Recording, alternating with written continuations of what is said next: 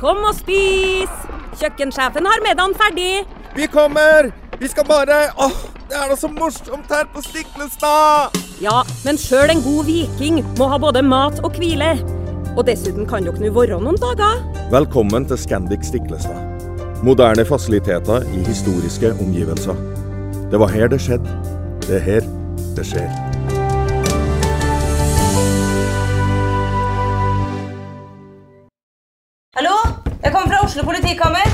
Ine Jansen er purk. Er du purk? The motherfucking bitch. Alt jeg vil, er å finne ut hva som skjedde med mannen min. Jon Carew. Er jeg sikta for noe? Iben Akeli. Det er du.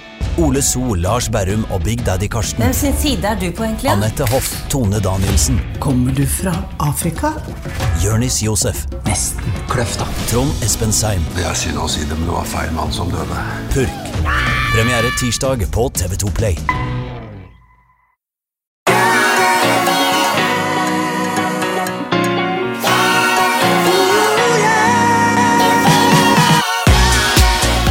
Velkommen til en ny episode av Jernsterk. Ole Petter, vi tok akkurat en sånn derre hotshot hot shot med cayenneagurk i meg. Og jeg vil bare legge til at vi er ikke betalt av hvem det måtte være som har laget den. Uh, Cevita er det vi som har laget den. Men den reiv godt, altså, i halsen. Så da mener jeg at da kan vi snakke om dagens tema, som er hvordan påvirker stress i hjernen. Og jeg synes at det bygger en ganske bra bro også fra forrige episode hvor vi snakket om hvor jeg fortalte litt om min personlige opplevelse rundt dette med covid-19 og min mor på aldershjem osv. som jeg ikke fikk møte. Men dette med stress, nå er det mange som opplever stress. Eh, også i forbindelse med covid-19. Altså Stress er jo interessant uavhengig av covid-19. Eh, stress har jo på en måte blitt sett litt som en sånn statussymbol òg. Altså det der å stresse rundt, eh, jobbe beinhardt, sove minst mulig, løpe rundt på flyplasser, løpe fra møte til møte, høyt tempo. Det har liksom vært sånn status, det. Gjerne på telefonen. Ja, ja, telefon. To telefoner. Ja, ja. Ja, Kjøp selv. Ja. Uh, vellykkede folk med høy utdannelse, ikke sant? Uh, og de skal gjerne bo på jobben. Uh, og så er det kanskje ikke så bra likevel. Jeg, jeg tror det begynner å bli en sånn økende bevissthet i samfunnet at kanskje, kanskje det er en helhet som gjør at vi yter litt bedre over litt lengre tid. Eh, og at denne superflinke personen med topputdannelse på et eller annet fancy kontor kanskje burde ha godt av å gire ned litt, hvis vedkommende skal vare en stund, og fortsette å prestere toppresultater. Hva gjør hva, altså, eh, Hvordan påvirkning har stress på hjernen, Ole Petter? Ja, jeg tenker aller først så kan vi jo si litt om hva stress er for noe. Ja. For det er jo et begrep som de aller fleste tenker ja, det vet jeg hva, hva er, men stress kommer i mange nyanser. Og Da tror jeg vi må starte med å huske det at stress det er en overlevelsesmekanisme som er bygget inn i hjernen vår, den primitive delen av hjernen som har eh, utviklet seg over mange hundre millioner år med evolusjon. Og I bunn og grunn så kaller vi det, den stressresponsen vi opplever, den kaller vi ofte fight or flight. Og Det er jo fra savannen, hvor hvis vi møtte en fiende eller vi måtte jakte på vår egen mat Tenk deg at du møtte en fiende, da så hadde du to valg. Enten så måtte du slåss, eller så måtte du løpe. Så stressystemet vårt er egentlig et, en overlevelsessystem. Som er en av de viktigste grunnene til at vi faktisk sitter her i dag og er eneherskere på planeten. Så når du da skulle flykte fra en fiende eller slåss, så begynte hjertet ditt å pumpe fortere, du begynte å puste fortere, luftveiene dine ble utvidet, det kom mer eh, glukose og oksygen til skjelettmuskulaturen din, så du kunne yte maksimalt fysisk. Det er jo i utgangspunktet stressresponsen vår. Hørtes ut som intervalltrening. Ja, så da er det jo viktig å huske at trening er stress. Trening er jo stress fordi det setter ganske strenge krav til kroppens yteevne. Så du får opp hjertefrekvensen, du puster fortere, det går mer oksygen til muskulaturen din osv. Og det er jo bunn og grunn et positivt stress. Det varer kanskje den tiden du trener, og så vil jo da kroppen slappe av. Da vil dette systemet fight or flight svekkes. Og så går du inn i en situasjon hvor du har lavere puls og lavere pustefrekvens enn det du ellers ville hatt. Ja, så Når vi er ute og trener, så stresser vi kroppen, på en måte. Ja, absolutt. Da skaper vi en stressituasjon. Ja, det er- jo det trening er, og så er det det vi kaller adaptasjon, tilvenning. Du stresser muskulaturen din, fysisk stress, som gjør at muskulaturen din blir sterkere når du får restituert deg. Så hovedpoenget mitt er at stress er ikke ensidig negativt. Det er også stress den dagen du gifter deg og er overlykkelig, eller ditt, husker ditt første kyss, eller fikk eh, A på eksamen. Det, Det er ga jo mestringsfølelse. også, ja, det setter også i gang stressresponsen, men den ser vi på som positiv. Den er kortvarig, og så går kroppen inn i hvilemodus etterpå. Så, så det er det ene. Det er eh, kortvarig stress. Trening, f.eks. Positivt. Problemet blir jo ofte hvis det er kronisk stress, en forøket aktivitet i dette systemet 24 timer i døgnet. Og Det er jo nærmest blitt en folkesykdom. Da tror jeg også det er litt viktig å skille mellom fysisk stress, det å bevege seg mye, løfte tungt, ha en tøff arbeidssituasjon hvor du må yte fysisk, det er fysisk stress. Det er ikke eh, særlig skadelig i det hele tatt, annet enn at man selvfølgelig kan få belastningsskader osv. Men når vi snakker om stress sånn i hverdagen, så snakker vi ofte om det vi kaller psykososialt stress. Hvor vi ikke er i en situasjon hvor vi skal løpe fra en fiende eller slåss mot en fiende. Nei, heldigvis ikke. Men det er rett og slett tankevirksomhet, blant annet, som eh, øker aktivitetene i dette stressystemet. Hjertet slår litt fortere, vi skiller ut mer adrenalin, noradrenalin, kortisol, tre viktige stresshormoner. Og når den situasjonen blir langvarig, at du går med forhøyet økt aktivitet, så er det skadelig for absolutt alle kroppens organer. Men hvorfor har en fysisk godt trent person, da, eller en fysisk sterk person, eller en person som har trent lenge, har trening som en daglig rutine, hvorfor har vedkommende da en bedre evne til å fordøye det stresset? Altså Hvis det er to personer som har tilsvarende mentalt stress, da, tilsvarende arbeidssituasjon, like små barn, like mange små barn, altså en tilsvarende situasjon, hvorfor er det da at den personen som trener fysisk og er i relativt god fysisk form, hvorfor takler den det bedre? Ja, og Nå snakker vi jo generelt, og det vet vi at hvis man blir utsatt for situasjoner i livet som ville vært stressende for alle, det kan være man mister jobben, det er at man jobber for mye, eh, samlivsbrudd osv., så, videre, så vet vi jo at vi mennesker responderer ganske forskjellig på det. Noen takler det bedre enn andre, og da er det veldig mange faktorer som spiller inn. Eh, Fysisk form er en av dem. Vi vet at de som er i god fysisk form, de vil i større grad stå litt mer stødig robust i sånne situasjoner. Høy grad av psykososial stress, f.eks. ved stressende arbeidsdag, samlivsproblemer, eh, mister noen man er glad i. Men det er jo veldig generelt, for det er store individuelle variasjoner der også. Og det er veldig mye annet som spiller inn. Genetiske faktorer. Vi tror noen er mer disponert for å få en høy aktivitet i dette stressystemet sitt, høyere enn andre, når de blir eh, påvirket av akkurat samme type hendelse. Og så er Sosialt nettverk har masse å si, det vet jo en av de viktigste faktorene. At de som har et godt sosialt nettverk rundt seg, de står mye stødigere i krisesituasjoner og generelt under, under stress. Men jeg tror det aller viktigste her det er at eh, når vi over tid har en økt aktivitet i stressystemet vårt, det vi kaller psykososial stress, så er det, mm, det er, det er skadelig for alle kroppens organer. Mm. kanskje først og fremst hjernen. Det er, eh, det er jo mange forskjellige typer stress, så det, det blir jo veldig sammensatt. Da. Eh, Du kan jo på en måte bli stressa av å egentlig oppleve en lite stressende hverdag òg, men du har La oss si tilbake til situasjonen vi er i nå da, med covid-19. Altså, jeg og min kone vi har ei venninne som, som er flyvertinne, selvfølgelig permittert. Opplever det selvfølgelig som veldig vanskelig. Eh, Men hun blir nok også litt påvirka av miljøet, det, altså det sosiale miljøet hun er en del av, hvor hun da blir oppfordret til å trene. Og har jo egentlig benyttet den muligheten til å komme i, i form. Så vi heier jo veldig på henne. Eh, Hun har selvfølgelig gode og, og dårlige dager, men det er nok helt opplagt at løpingen hjelper henne. da. Eh, Og det at hun får mestringsfølelse og at hun får anerkjennelse for det, er jo kjempebra. Og hun kommer jo da også ut av den perioden når hun da kommer tilbake på jobb, forhåpentligvis. Eh, Nå er det jo heldigvis positive ting som skjer i samfunnet, så man kan ha håp om at igjen flyene skal gå.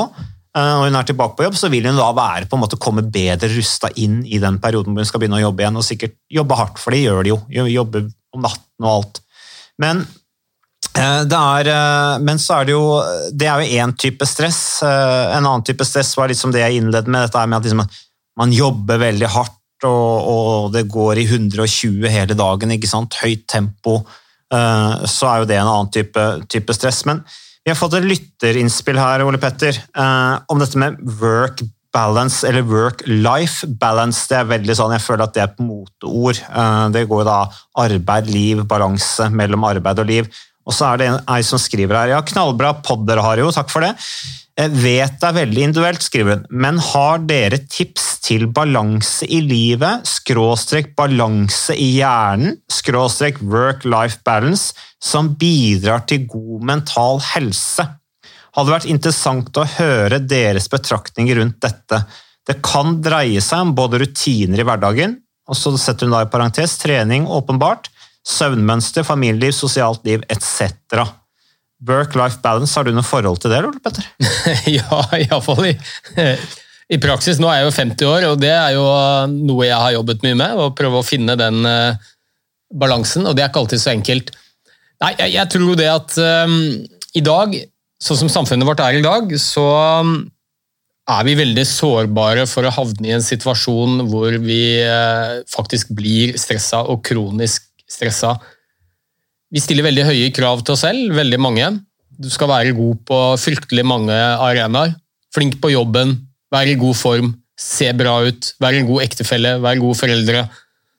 Altså, du skal lykkes. Og så blir hverdagen bare fylt med, med gjøremål.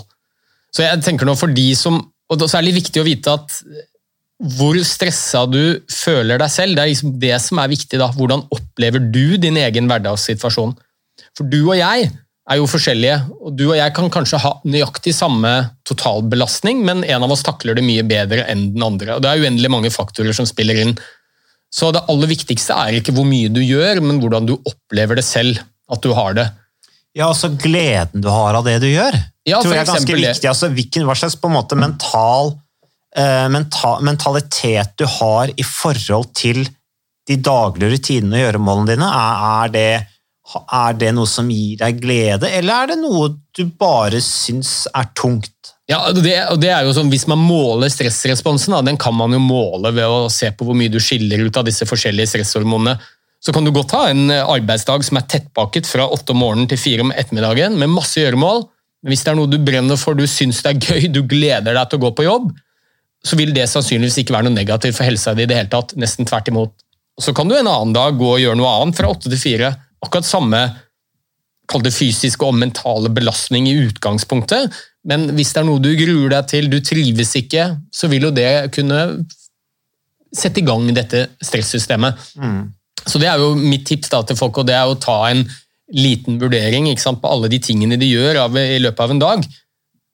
Gleder du deg til det? Er det sånn at du opplever at eh, det gjør deg stressa? Altså, du kan ha objektive tegn på at du er stresset. Høy puls, uro, mye grubling, sover dårlig om natta osv. Og hvis svaret da er ja, så er jo det aller beste du gjør, er jo å prøve å gjøre noe med hverdagen din. Er det den jobben du virkelig ikke trives i, så finn deg en annen jobb hvis du har mulighet til det, eller gjør noen grep på arbeidsplassen. Hvor mye du jobber, når du jobber. Altså Prøv å gjøre noe med de tingene i livet ditt som skaper stress. Det tenker jeg det er jo kanskje alfa og omega. Og så er det jo en del situasjoner vi kanskje ikke rår over, som, som jo selvfølgelig også aktiverer dette stressystemet vårt. Nå er vi jo midt inne i en sånn pandemi hvor det er en haug av ting som eh, vi ikke har kontroll over. Viruset i seg selv, hvilke restriksjoner myndighetene legger på oss, med tanke på sosial distansering og stengte treningssentre og hjemmekontor osv. Så, videre. så mitt sånn mantra er jo å Alle de tingene du kan, prøve, eller kan påvirke i livet ditt, de bør du prøve å påvirke i riktig retning. Og Ja, er jo, det er jo hvordan du gjør det, da, som er viktig. ikke sant? ja, eh, Det er jo handlinger. Ja, jeg tenker noe at Noe av det aller viktigste er jo å prøve å finne ut hva er det som gjør deg stressa. Altså, hvilke elementer i livet ditt er det? Er det en jobb du ikke trives med? Jobber du for mye? Er det et forhold du eh, ikke trives i? Eh, Og rett og slett prøve å ta de grepene som er mulig å ta. Og så tror jeg det kan være nyttig, det er jo litt sånn klisjé, men Vi bruker jo veldig mye tid på jobb, og mange legger sjela si i det. og Det er jo vel og bra, men eh, jeg tror kanskje vi skal være en som sa det til meg en gang, at når man da driver bare og jager på jobben for å komme høyere opp på rangstigen, tjene mer penger, så sa han det at tenk deg når du blir 80 år gammel og ser tilbake på livet ditt, tror du du kommer til å si at ah, jeg jobbet for lite, altså, jeg skulle ha jobba mer? Mm. Nei, Sannsynligvis ikke. Så det, det, gjelder å prøve å finne altså, hva er det som er viktig for meg. Hva er det i livet mitt som gir meg glede? Hva er det jeg må gjøre, og hva er det jeg eventuelt kan kutte litt bort av de tingene som gnager og som uh, øker stressresponsen. Mm. Og så er det jo noen ting vi vet vi kan gjøre noe med, altså, som er viktige for å redusere stress. Og Da har jo du vært inne på en del av det, og da pleier jeg å si at det er tre ting som du kan gjøre selv, og som du kan fylle livet ditt med som er viktige for å hemme stressreaksjon, den kroniske stressreaksjonen. Og det ene, ikke overraskende, det er jo trening. Sier du det? Ja, det sier jeg. Det er helt nytt for deg. Nei, og, og, det vet vi. Det er en av de aller beste antistressmekanismene vi kjenner til. For da hemmer du utskillelsen av, eh, av disse stresshormonene over tid. Ja, du skiller ut litt mer av dem akkurat når du trener, men resten av døgnet så er det redusert. Pulsen din går ned, du skiller ut mindre kortisol, som er kanskje det viktigste stresshormonet vårt. Mm. Og, og, selvfølgelig er det ikke sånn at problemene dine blir borte når du trener, men du klarer å se på dem i et litt annet lys. Det er viktig for mestringstillit. Så har det mange andre positive effekter. Styrker immunsystemet, f.eks. Så det ene er treningsbiten. Ja, ja, og det andre er Det andre, det er søvn. Ja, ikke sant? Det er den helheten som vi har snakka mye om. Ja. Og jeg mener, Du kan jo bli stressa hvis du våkner opp en morgen av å ha sovet elendig òg. Ja, da kan jo det føre til at du opplever dagen som mer stressende. Ja, selvfølgelig, og, og Da er det jo en grunn til det, da. hvis du går tilbake og ser ok, grunnen til at jeg taklet den dagen i dag så dårlig og følte meg så stressa, det var kanskje fordi at jeg ikke var uthvilt, for jeg hadde sovet elendig i natt. Ja, ja. Altså, Ting henger sammen, og jeg pleier å ha sagt det mange ganger. Det er noen ting som helsa vår, mental helse, fysisk helse, det er noen pilarer den hviler på. Bevegelse er den ene. Søvn. Ukas annonsør det er uh, HelloFresh. Og uh, hvis du nå går inn på hellofresh.no og bruker koden 'fresh hjerne', så kan du få opptil 1779 kroner rabatt på da de fem første matkassene dine hvis du ikke har prøvd Hello Fresh enda. Og Ole Petter, vi er jo glad i Hello Fresh i podkasten Hjernesterk, selvfølgelig fordi at de er en annonsør. De er med og bidrar til å spre det glade ordet om fysisk aktivitet og god helse. Men i tillegg så har jo vi også nå lang erfaring med Hello Fresh eh, selv. Så vi må jo si at det har vært gode erfaringer til nå. Ja, absolutt. Visste du Mats, at HelloFresh er faktisk verdens ledende matkasseleverandør? og Tilbudene til HelloFresh gjør det enkelt å lage gode og varierte retter som skaper matglede. Og matglede vet du, det er like viktig som hva du putter i munnen. Det å spise mat med folk du trives med. Så gjennom 25 nye og inspirerende retter hver uke så bidrar HelloFresh til dette. Du kan bestille ekstra porsjoner om du får gjester, eller hoppe over uke hvis du f.eks. skal bort. Mm. Og Det er ingen bindingstid, og du velger leveringstidspunkt og dag selv, så leverer Hello Fresh matkassen din akkurat når det passer deg. Ikke dårlig, Mats. Nei, det er veldig bra. Så, eh, og dette er med enklere hverdag, det kan jeg nå skrive under på. For nå, forrige erfaring vi hadde forrige uke, Ole Petter, det syns jeg var Det var jo et gjennombrudd eh, for familien Kaggestad. For da lagde rett og slett barna de lagde middag og serverte middagen, så den var ferdig laget og servert da når eh, min kone Marita og meg kom hjem fra jobb. Og jeg mener Det var jo bare helt utrolig. Eh, det var helt fantastisk. Det ble en nydelig middag. Riktignok de, de, de, de roter og søler litt, det gjør de. Så, men, men, maten ble veldig god. De var veldig stolte over å kunne ha både laget og servert maten, så det var helt fantastisk. Så vi har jo da i siste så har vi eh, spist eh, bl.a. sitron- og dillstekt hyse med ovnsbakte grønnsaker og aioli. Eh, vi har spist middelhavsinspirert kylling. Taco, så finnes det mange ulike typer taco. F.eks. vietnamesisk taco, som vi har spist. Thailandsk vegetargryte. Veldig riktig og sunt uh, i dagens uh, samfunn med, med, fokus på bærekraft. Hvitløk og chilistekte reker i spagetti, det var definitivt en eh, vinner. Så eh, det er så flott. Du får rimelig mat ved at du kun betaler for det du trenger, så det blir ordentlig feststemning med Hello Fresh. Det gjør det, og nå er det bare for deg å gå inn på hellofresh.no og bruk koden FRESH gjerne. Da får du opptil 1779 kroner rabatt på de første fem matkassene dine, hvis du ikke allerede har prøvd HelloFresh. Du kan også bruke rabattkoden hvis du har stoppet abonnementet ditt for tolv måneder siden eller mer. Er det noe å lure på? Håper maten smaker godt. Bon appétit! En annen en. Få, få nok søvn. Vi vet at sover du for lite over tid, så går du rundt med en kronisk stressrespons i hjernen din, som påvirker alle kroppens organer negativt. Så prioriter de tingene som er viktige for helsa di. Fysisk aktivitet, noe du syns er gøy, gjør det sammen med noen. Prøv å få nok søvn. Rett og slett Sett det høyere opp på prioriteringslisten. Søvn er mye viktigere enn det vi har trodd. Jo mindre du sover, jo kortere lever du. Kort, kort fortalt. Altså det påvirker alle hverdagsfunksjoner. Kreativitet, humør, oppmerksomhet, konsentrasjon. Negativt hvis du sover for lite. Ja, og det med søvn var jo liksom også sånn ja, Det der å sove mye, det var jo for tapere, liksom. Før så var det blitt sett på den måten. altså Jernfolka som virkelig hadde suksess, de sov lite. 'Sleeping is for wimps', sa Ja. Mar Margaret Thatcher.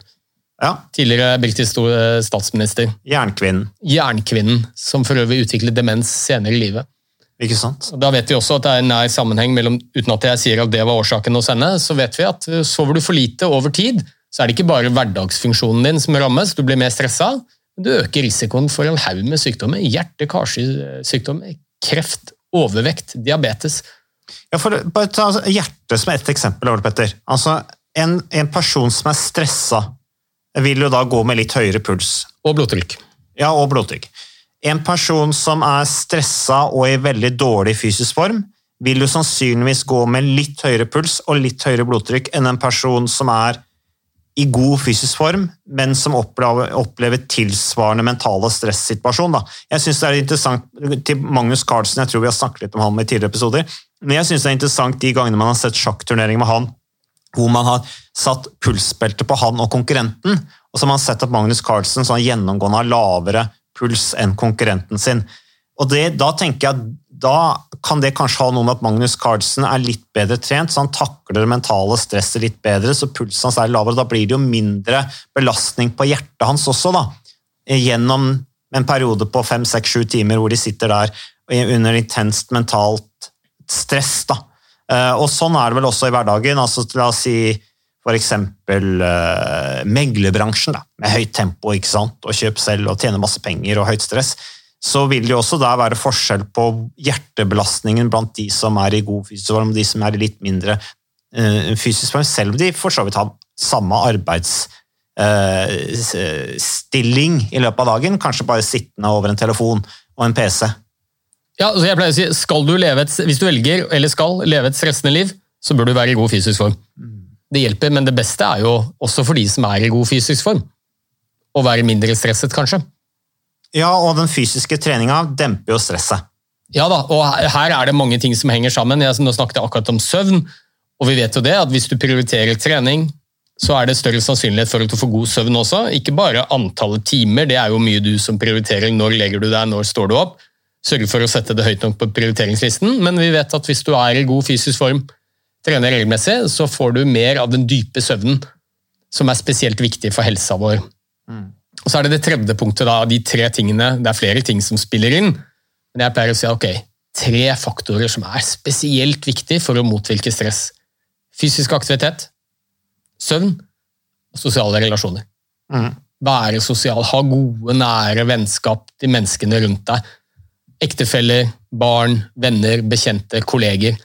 Så der har du den work-life balance-spørsmålet til lytteren vår, som jeg fikk på sosiale medier. Ja, altså det høres jo veldig enkelt ut, men jeg, jeg tror det er litt nyttig noen ganger. Man blir litt sånn fanget i hverdagen.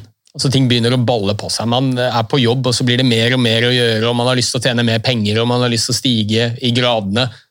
mange har små barn, og ettermiddagen er fylt med aktiviteter, og man skal være flink på alle mulige områder. Så det jeg har prøvd å fortelle meg selv, det er, sånn, en gang iblant ta en liten vareoppdeling, og så se på livet ditt. Hva er det jeg driver med? Hva er det som gir meg glede? Altså, hvordan vil jeg egentlig at livet mitt skal være? Og så prøve å være litt knallhard. Ta noen valg. Hvis jobben gnager, hvis du føler du jobber for mye, du trives ikke, og har muligheten til det, rent økonomisk, vær tøff nok til å ta de valgene som du kanskje vet, men som er vanskelig å ta, men som du vet vil gi deg et bedre liv. Pass på å fylle livet ditt med de tingene du liker. Og så kan vi jo håpe at eh, noen av de tingene er fysisk aktivitet, blant annet. Pass på å få nok søvn. Mm. Plei sosiale relasjoner. For det er jo ikke alltid i jobbsituasjonen man har det valget heller. Noen perioder i en jobbsituasjon, hvis man er i en situasjon, la oss si at man er i et firma i krise, da, eh, hvor, eh, la oss si som er hardt rammet av covid-19, hvor du må si opp mange ansatte, eh, du må jobbe kanskje mye mer, du er i en krise hvor du virkelig må stå på, så har du ikke det valget. Eh, Men da er det vel bare å gjøre, altså ta konsekvensene av den belastningen, og det er rett og slett å bare prøve å ta vare på seg sjøl med de grepene som kan gjøres da rent praktisk sett, som rett og slett er prøve å få nok søvn, som du sier. ikke sant? Prøve å spise regelmessig, prøve å drikke nok vann, prøve å få inn en liten mosjonsøkt innimellom der, for det vil jo da gjøre at du takler den belastningen litt bedre.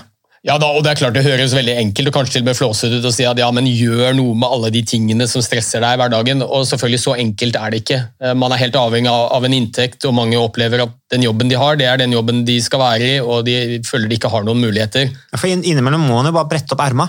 Ja, sånn er det jo. Ja, ja, ja, og jeg mener ikke at med en gang du syns det er litt tøft på jobb, at du skal stikke og finne deg noe annet, men hvis du over tid har stått i noe som du er grunnleggende misfornøyd med, og har en mulighet til å gjøre noe, for det opplever jo jeg, jeg jobber som fastlege i 20 år, og har utrolig mange pasienter som har en jobb som nærmest tar livet av dem. Altså, de trives ikke på jobb, trives ikke med arbeidsoppgavene, trives ikke med kollegene sine, kanskje er det vanskelige situasjoner med personalkonflikter osv.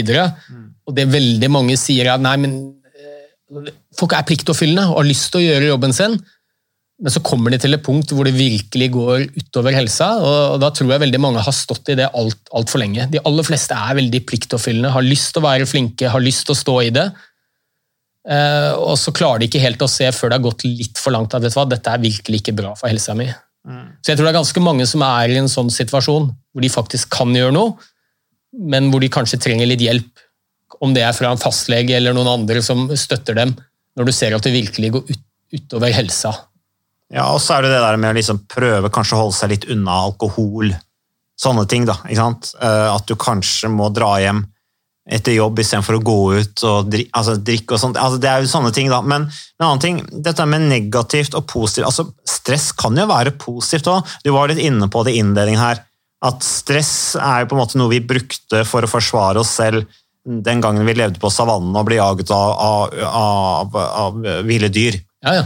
Eh, og det var det som gjorde at vi overlevde. Og det er jo litt sånn nå også.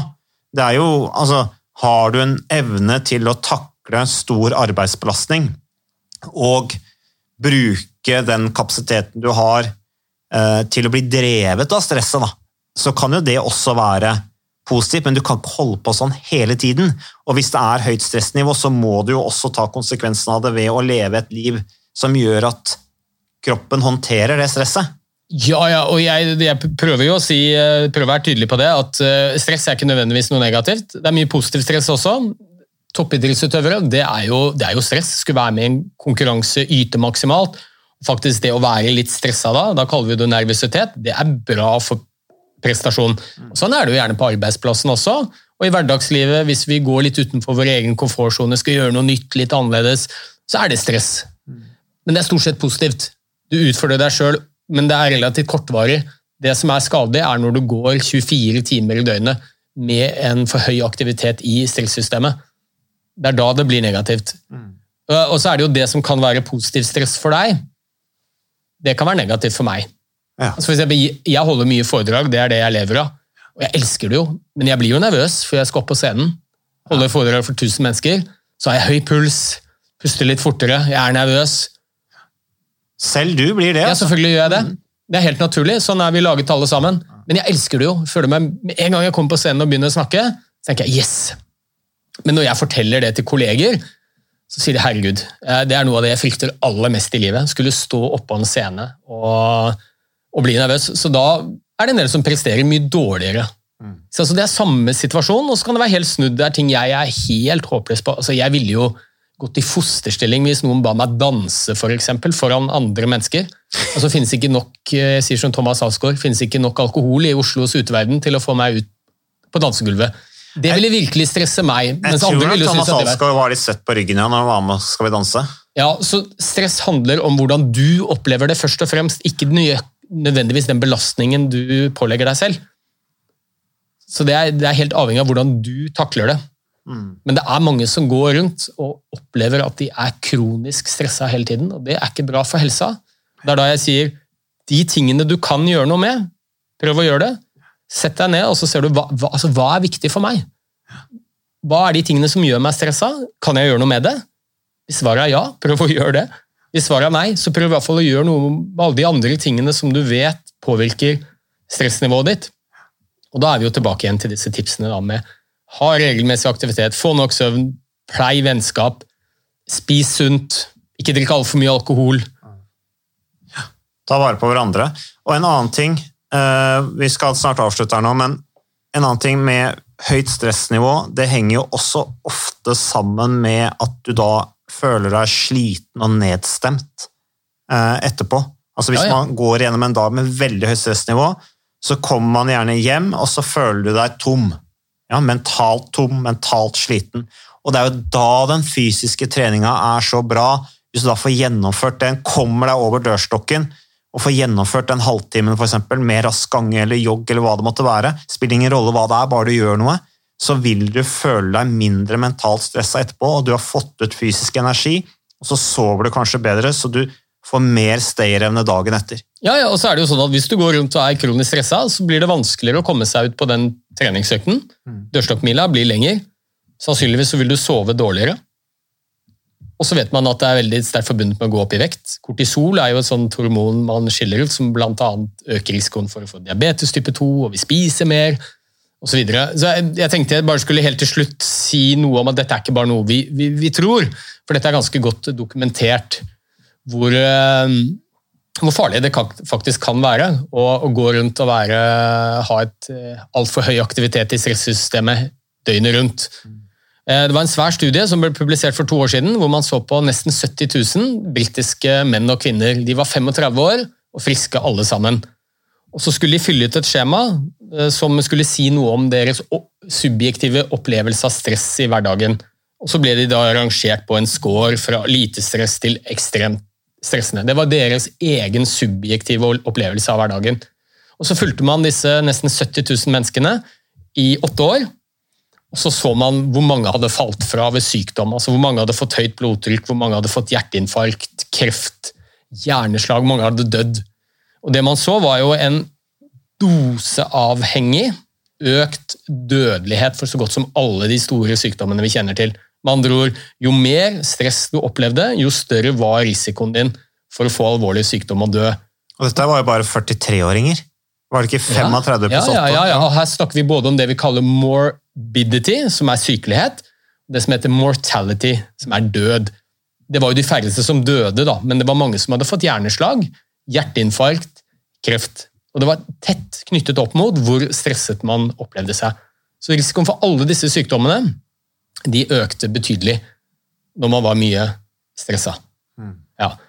Og da har vi ikke engang snakket om hverdagsfunksjon, hvordan det å være veldig stresset, hvordan det påvirker hverdagsfunksjonen.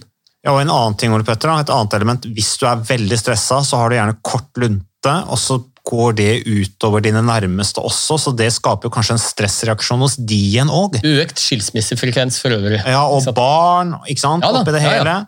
Så ja. Ja da, så, og, og det man ser er jo at det påvirker så godt som alle hjernens normalfunksjoner. eh, Også. Det har, vi, har jeg nevnt tidligere, dette med redusert oppmerksomhet, konsentrasjon, hukommelse og humør. Så um, stress er hjernens fiende, altså. Eh, Og jeg har jo en del pasienter som kommer til meg og lurer på om de er blitt demente. For de har problemer med konsentrasjon, oppmerksomhet og kanskje spesielt hukommelse. Relativt unge mennesker. Fordi de plutselig glemmer hvor de har lagt tingene sine og glemmer en avtale. Og Da tror jeg det er viktig å huske at eh, det å være kronisk stressa, det påvirker virkelig disse funksjonene. F.eks. hukommelse. Så det er en av de viktigste grunnene til at relativt unge, friske mennesker sliter med å huske ting i hverdagen. Det er stress. Jeg har et uttrykk jeg bruker på kona mi, at jeg føler meg helt lobotomert. Det er gjerne da totalbelastningen vært litt for høy. Da Da er det stressnivået som er tatt helt overhånd. Men eh, ja, du skulle si noe mer, Ole Petter? Ja, bare en siste ting, og det tror jeg handler om at vi, vi i dag lever i et samfunn hvor det, er, det settes veldig stor pris på det å være flink og vellykka. Det er jo det vi har lyst til. ikke sant? Vi skal være flink på alle arenaer. Og vi ender opp med å legge listen så høyt at vi er dømt til å mislykkes. Og når vi mislykkes i henhold til våre egne standarder om hvor flinke vi skal være på alle mulige om områder i livet, så får vi dårlig mestringstillit. Altså vi, vi, vi mister litt troen på oss sjøl. Det øker også stressresponsen. Så en av de beste rådene iallfall jeg for meg selv har prøvd å følge, og prøvd å få pasientene mine til å følge også, er at ikke la det gode bli den perfektes Eller ikke la det perfekte bli den godes fiende. Rett og slett at bra er godt nok. Det er ingen som klarer å prestere optimalt på alle arenaer, så kanskje senke ambisjonsnivået litt. Det holder med å være flink i egne øyne, du behøver ikke å være best i alt. Det er det ingen som får til. Nei, da blir du jo dårlig på noe etter hvert, tenker jeg. Og det er en oppskrift for å være stressa. Når du hele tiden jager etter et eller annet som er litt uoppnåelig. Det var veldig klokt sagt, Ole Petter. Jeg prøver. Det, takk skal du ha, og takk for at du lytter på Hjernesterk.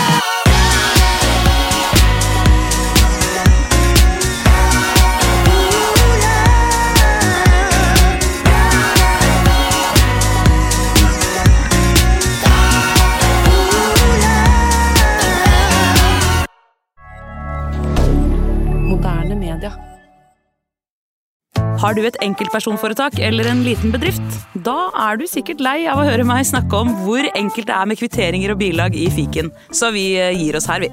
Fordi vi liker enkelt. Fiken superenkelt regnskap.